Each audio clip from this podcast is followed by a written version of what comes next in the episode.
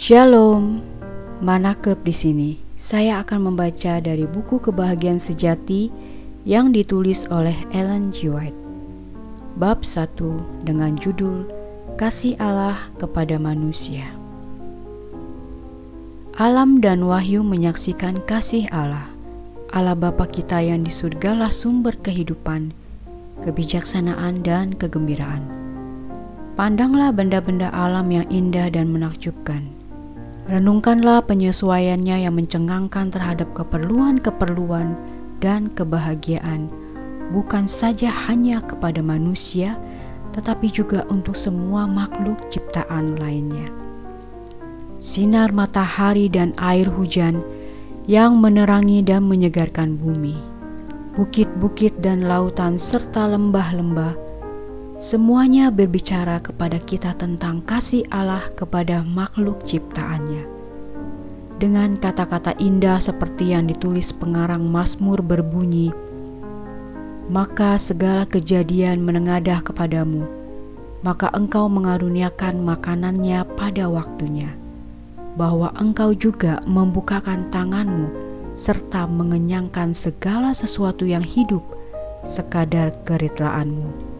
Mazmur 145 ayat 15 dan 16. Allah menciptakan manusia suci dan sempurna serta bahagia. Begitu juga bumi yang bersih muncul dari tangan Khalik. Tiada kerusakan pada tanaman ataupun bayang-bayang kutuk. Hanya pelanggaran terhadap hukum Tuhan, yakni hukum kasih yang membawa bencana dan kematian. Kendati pun demikian, di tengah-tengah derita yang diakibatkan oleh dosa itu, kasih Allah masih juga dinyatakan. Telah dituliskan bahwa Allah mengutuk bumi itu karena manusia. Kejadian 3 ayat 17. Unak dan duri, kesusahan dan pencobaan yang membuat hidup manusia itu menderita, telah dibuat demi kebaikan manusia sebagai satu latihan yang amat diperlukan di dalam rencana Allah mengangkatnya dari puing-puing hinaan yang dibawa dosa itu. Dunia ini, meskipun sudah jatuh, bukanlah semata-mata menjadi duka dan kesengsaraan. Di dalam alam itu sendiri terdapat kabar-kabar pengharapan dan penghiburan. Di dalam alam ini terdapat bunga-bunga dari pohon yang berduri dan duri-duri yang ditutupi oleh bunga-bunga mawar. Allah kasih adanya, demikianlah yang tertulis di dalam tiap-tiap kuntum yang mekar, pada setiap pucuk rerumputan yang bertumbuh. Burung-burung yang bagus memenuhi udara dengan kicauannya yang penuh bahagia, serta kembang yang memantulkan bau-bau harum semerbak di udara.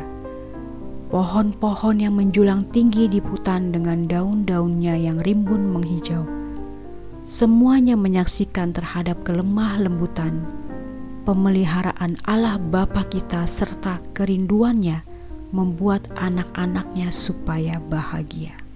Sabda Tuhan menunjukkan tabiatnya. Dia sendiri telah menyatakan kasihnya yang tiada batasnya dan penuh belas kasihan. Ketika Musa berdoa, Tunjukkan apalah sekarang kemuliaanmu kepadaku. Tuhan menyaut, bahwa aku akan menjalankan segala kebajikanku. Lalu daripada matamu, aku akan menyebut nama Tuhan di hadapan mukamu. Keluaran 33 ayat 18 dan 19. Inilah kemuliaannya. Tuhan lewat dari hadapan Musa seraya mengumumkan, Hua hua Allah, Ar-Rahmani, Ar-Rahimi, yang panjang sabar lagi besar kemurahannya dan kebenarannya yang memeliharakan kemurahannya bagi orang beribu-ribu dan yang mengampuni segala durhaka dan kesalahan dan dosa. Keluaran 34 ayat 6 dan 7. Dia panjang sabar dan besar kemurahannya. Berkenanlah ia akan berbuat baik. Yunus 4 ayat 2, Mika 7 ayat 18. Allah telah mengikat hati kita padanya dengan tanda-tanda yang tak terhitung jumlahnya di langit maupun di atas bumi, dengan benda-benda alam, serta ikatan-ikatan yang terdalam dan terlembut yang ada di dunia ini, supaya hati manusia itu mengenalnya. Dia telah berusaha menunjukkan dirinya sendiri kepada kita, namun semuanya ini belumlah mampu menunjukkan kasihnya. Kendati pun semua bukti-bukti ini telah diberikan, setan itu masih saja membutakan pikiran-pikiran manusia, supaya dengan demikian mereka memandang pada Allah dengan rasa takut. Mereka menganggapnya kejam tanpa belas kasihan. Setan menuntut manusia supaya menganggap Allah sebagai satu oknum yang sifat utamanya ialah keadilan yang lalim. Sebagai seorang hakim yang kejam, kasar, sebagai orang yang berpiutang yang suka memaksa. Digambarkannya lah Khalik itu sebagai salah satu oknum yang mengawasi dengan penuh pandangan cemburu, mengamat-ngamati kekeliruan dan kesalahan-kesalahan manusia supaya dia dapat menghakimi mereka. Anak manusia turun dari surga untuk menyatakan Bapa itu.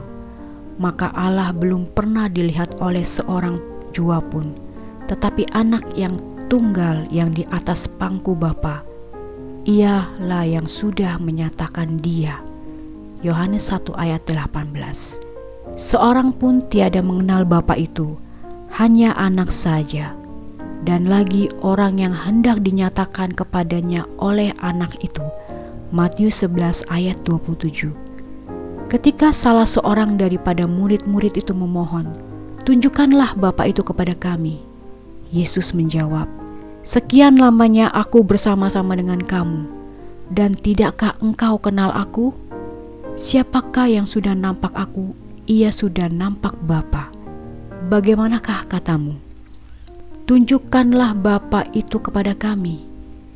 Yohanes 14 ayat 8 dan 9. Di dalam menggambarkan pekerjaannya di dunia ini, Yesus menyatakan bahwa Tuhan telah mengurapi aku akan memberitakan kabar kesukaan kepada orang miskin dan menyuruh aku mengabarkan kebebasan bagi orang tertawan dan yang menyembuhkan penglihatan orang buta melepaskan orang yang tertindih.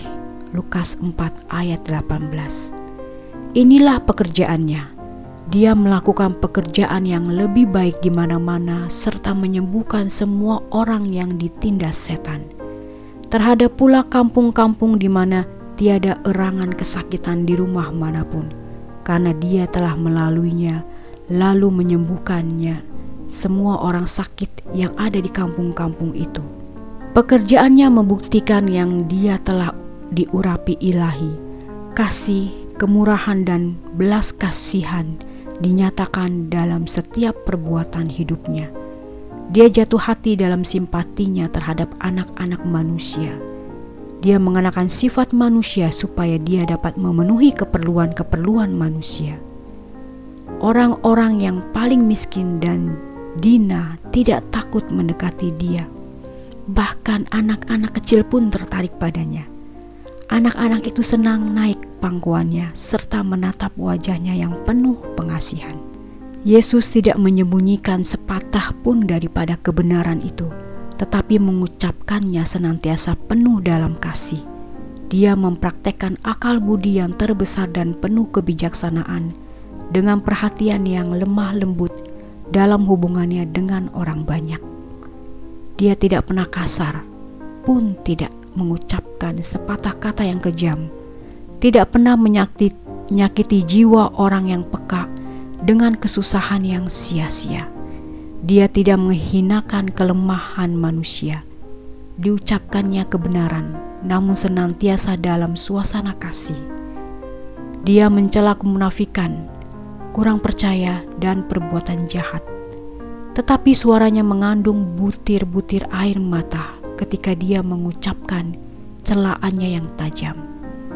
Dia menangisi Yerusalem, kota yang disayanginya, dan yang telah menolaknya. Jalan kebenaran dan hidup. Mereka menolak juru selamat, namun dia memandangnya dengan duka, kelembutan. Hidupnya adalah kehidupan yang penuh penyangkalan diri dan selalu memikirkan orang lain. Tiap-tiap jiwa berharga di mata matanya. Dia tidak menghinakan kelemahan manusia, diucapkannya kebenaran namun senantiasa dalam suasana kasih. Dia mencela kemunafikan, kurang percaya dan perbuatan jahat, tetapi suaranya mengandung butir-butir air mata ketika dia mengucapkan celaannya yang tajam. Dia menangisi Yerusalem, kota yang disayanginya, dan yang telah menolaknya jalan, kebenaran, dan hidup. Mereka menolak juru selamat, namun dia memandangnya dengan duka penuh kelembutan. Hidupnya adalah kehidupan yang penuh penyangkalan diri dan selalu memikirkan orang-orang lain. Tiap-tiap jiwa berharga di hadapan matanya. Walaupun dia mengenakan pada dirinya sendiri kebesaran Allah, dia berlaku lemah lembut kepada tiap-tiap anggota keluarga Allah. Pada setiap manusia dia melihat jiwa-jiwa yang telah jatuh yang merupakan tugasnya lah menyelamatkannya. Demikianlah sifat Kristus sebagaimana yang dinyatakan di dalam hidupnya. Ini adalah sifat Allah. Dari hati Allah Bapa inilah arus kasih sayang ilahinya yang dinyatakan di dalam Kristus mengalir kepada anak-anak manusia. Yesus yang penuh belas kasihan, juru selamat yang penuh kasihan, adalah Allah yang dinyatakan di dalam tubuh manusia. 1 Timotius 3 ayat 16 Kristus hidup dan mati untuk menebus kita. Dia menjadi seorang yang kena sengsara supaya kita dapat turut ambil bagian dalam rahmat dan kegembiraan yang kekal itu. Allah memperkenankan anak yang dikasihinya penuh kebenaran untuk datang dari satu dunia yang di dalamnya penuh kemuliaan yang tiada taranya menuju satu dunia yang dinodai dan dilumuri dosa kebinasaan, digelapi bayang-bayang maut dan kutuk. Dia memperkenankannya meninggalkan lubuk kasihnya yang penuh dengan puja-puji para malaikat untuk menderita hina, malu, nista dan dibenci bahkan sampai mati. Bahwa siksa yang mengadakan selamat bagi kita itu berlaku atas dia dan oleh segala bilurnya kita pun disembuhkan. Yesaya 53 ayat 5 Lihatlah dia di padang belantara di taman Getsemani, di atas kayu salibi, anak Allah yang tiada bercela itu memikul atas bahunya beban dosa manusia. Dia yang pernah satu dengan Allah, merasa dalam jiwanya dahsyatnya perpisahan yang membuat dosa antara Allah dan manusia. Sebab itulah dari bibirnya terucap jeritan yang pedih. Ya Tuhanku, ya Tuhanku, Apakah sebabnya engkau meninggalkan aku?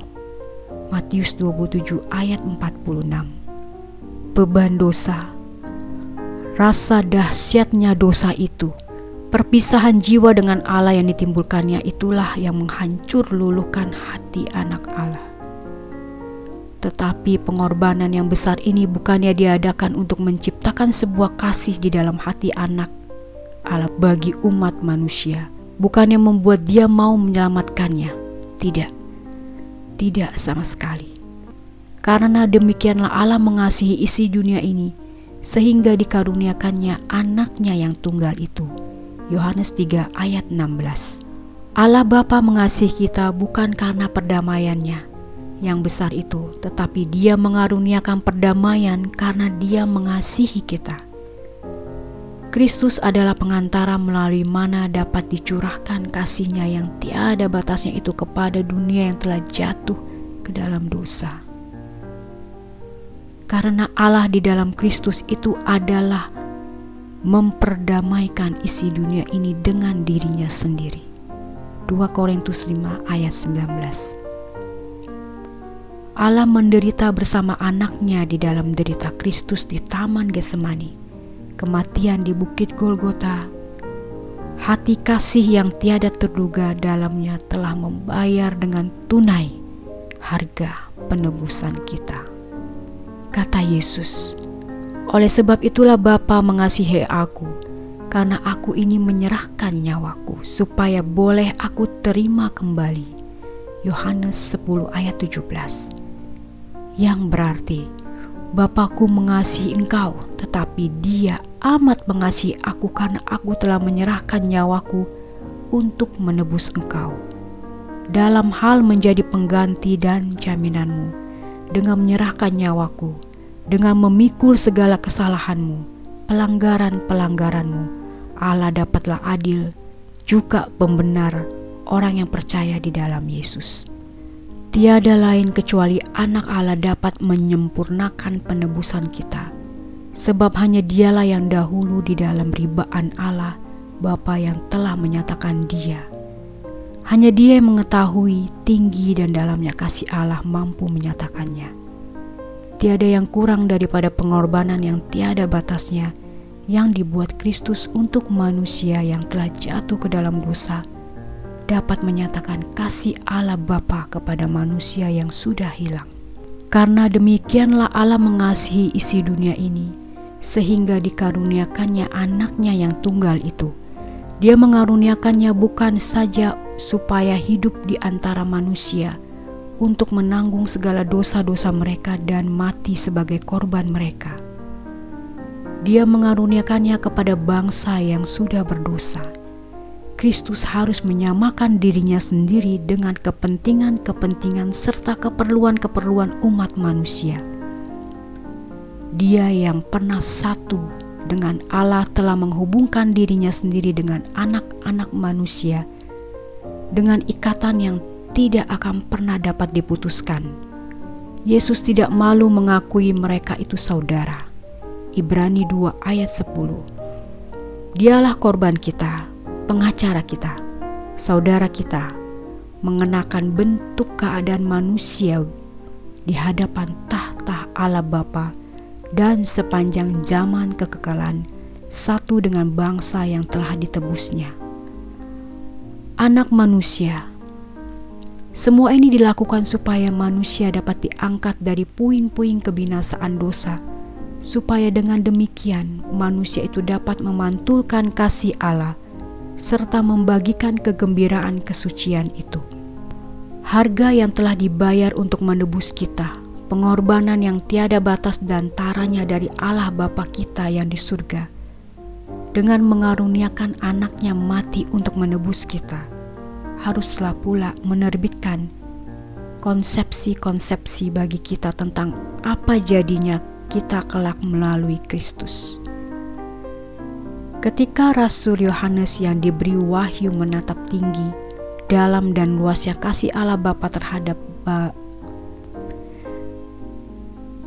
Ketika Rasul Yohanes yang diberi wahyu menatap tinggi, dalam dan luasnya kasih Allah Bapa terhadap bangsa manusia yang telah berdosa, hatinya dipenuhi pujaan dan hormat. Lalu, karena tidak berhasil menemukan bahasa yang mampu menyatakan kebesaran dan kelembutan kasih ini, dia hanya mengundang dunia supaya menatapnya. Tengoklah, alangkah besarnya kasih yang dikaruniakan oleh Bapa kita kepada kita, sehingga kita dikatakan anak-anak Allah. 1 Yohanes 3 ayat 1 Betapa ayat ini memberikan nilai kepada manusia dengan pelanggaran anak-anak manusia menjadi milik setan. Dengan iman di dalam korban grafirat Kristus, anak-anak Adam dapat menjadi anak-anak Allah. Dengan mengenakan keadaan manusia, Kristus meninggikan manusia. Manusia yang sudah jatuh itu, ditempatkan di mana melalui hubungan dengan Kristus. Mereka sesungguhnya dapat layak disebut anak-anak Allah. Kasih yang demikian tiada bandingnya. Menjadi anak-anak Raja Surga, janji yang amat mulia, inti yang paling perlu direnungkan. Kasih Allah yang tiada taranya bagi satu dunia yang tidak mengasihinya. Pikirannya ini mempunyai satu kuasa yang menaklukkan jiwa dan membawa pikiran takluk kepada kehendak Allah. Semakin kita pelajari sifat Allah di dalam terang salib itu, semakin kita lihat kemurahan, kelembutan dan keampunan yang dipadukan dengan keadilan. Dan semakin jelas pula kita memperhatikan bukti-bukti satu kasih yang tak terbatas dan tiada taranya, serta belas kasihan yang penuh kelembutan melebihi seorang kasih ibu kepada anaknya yang tersesat. Demikianlah bacaan buku Kebahagiaan Sejati bab 1 yang berjudul Kasih Allah kepada Manusia. Tuhan memberkati.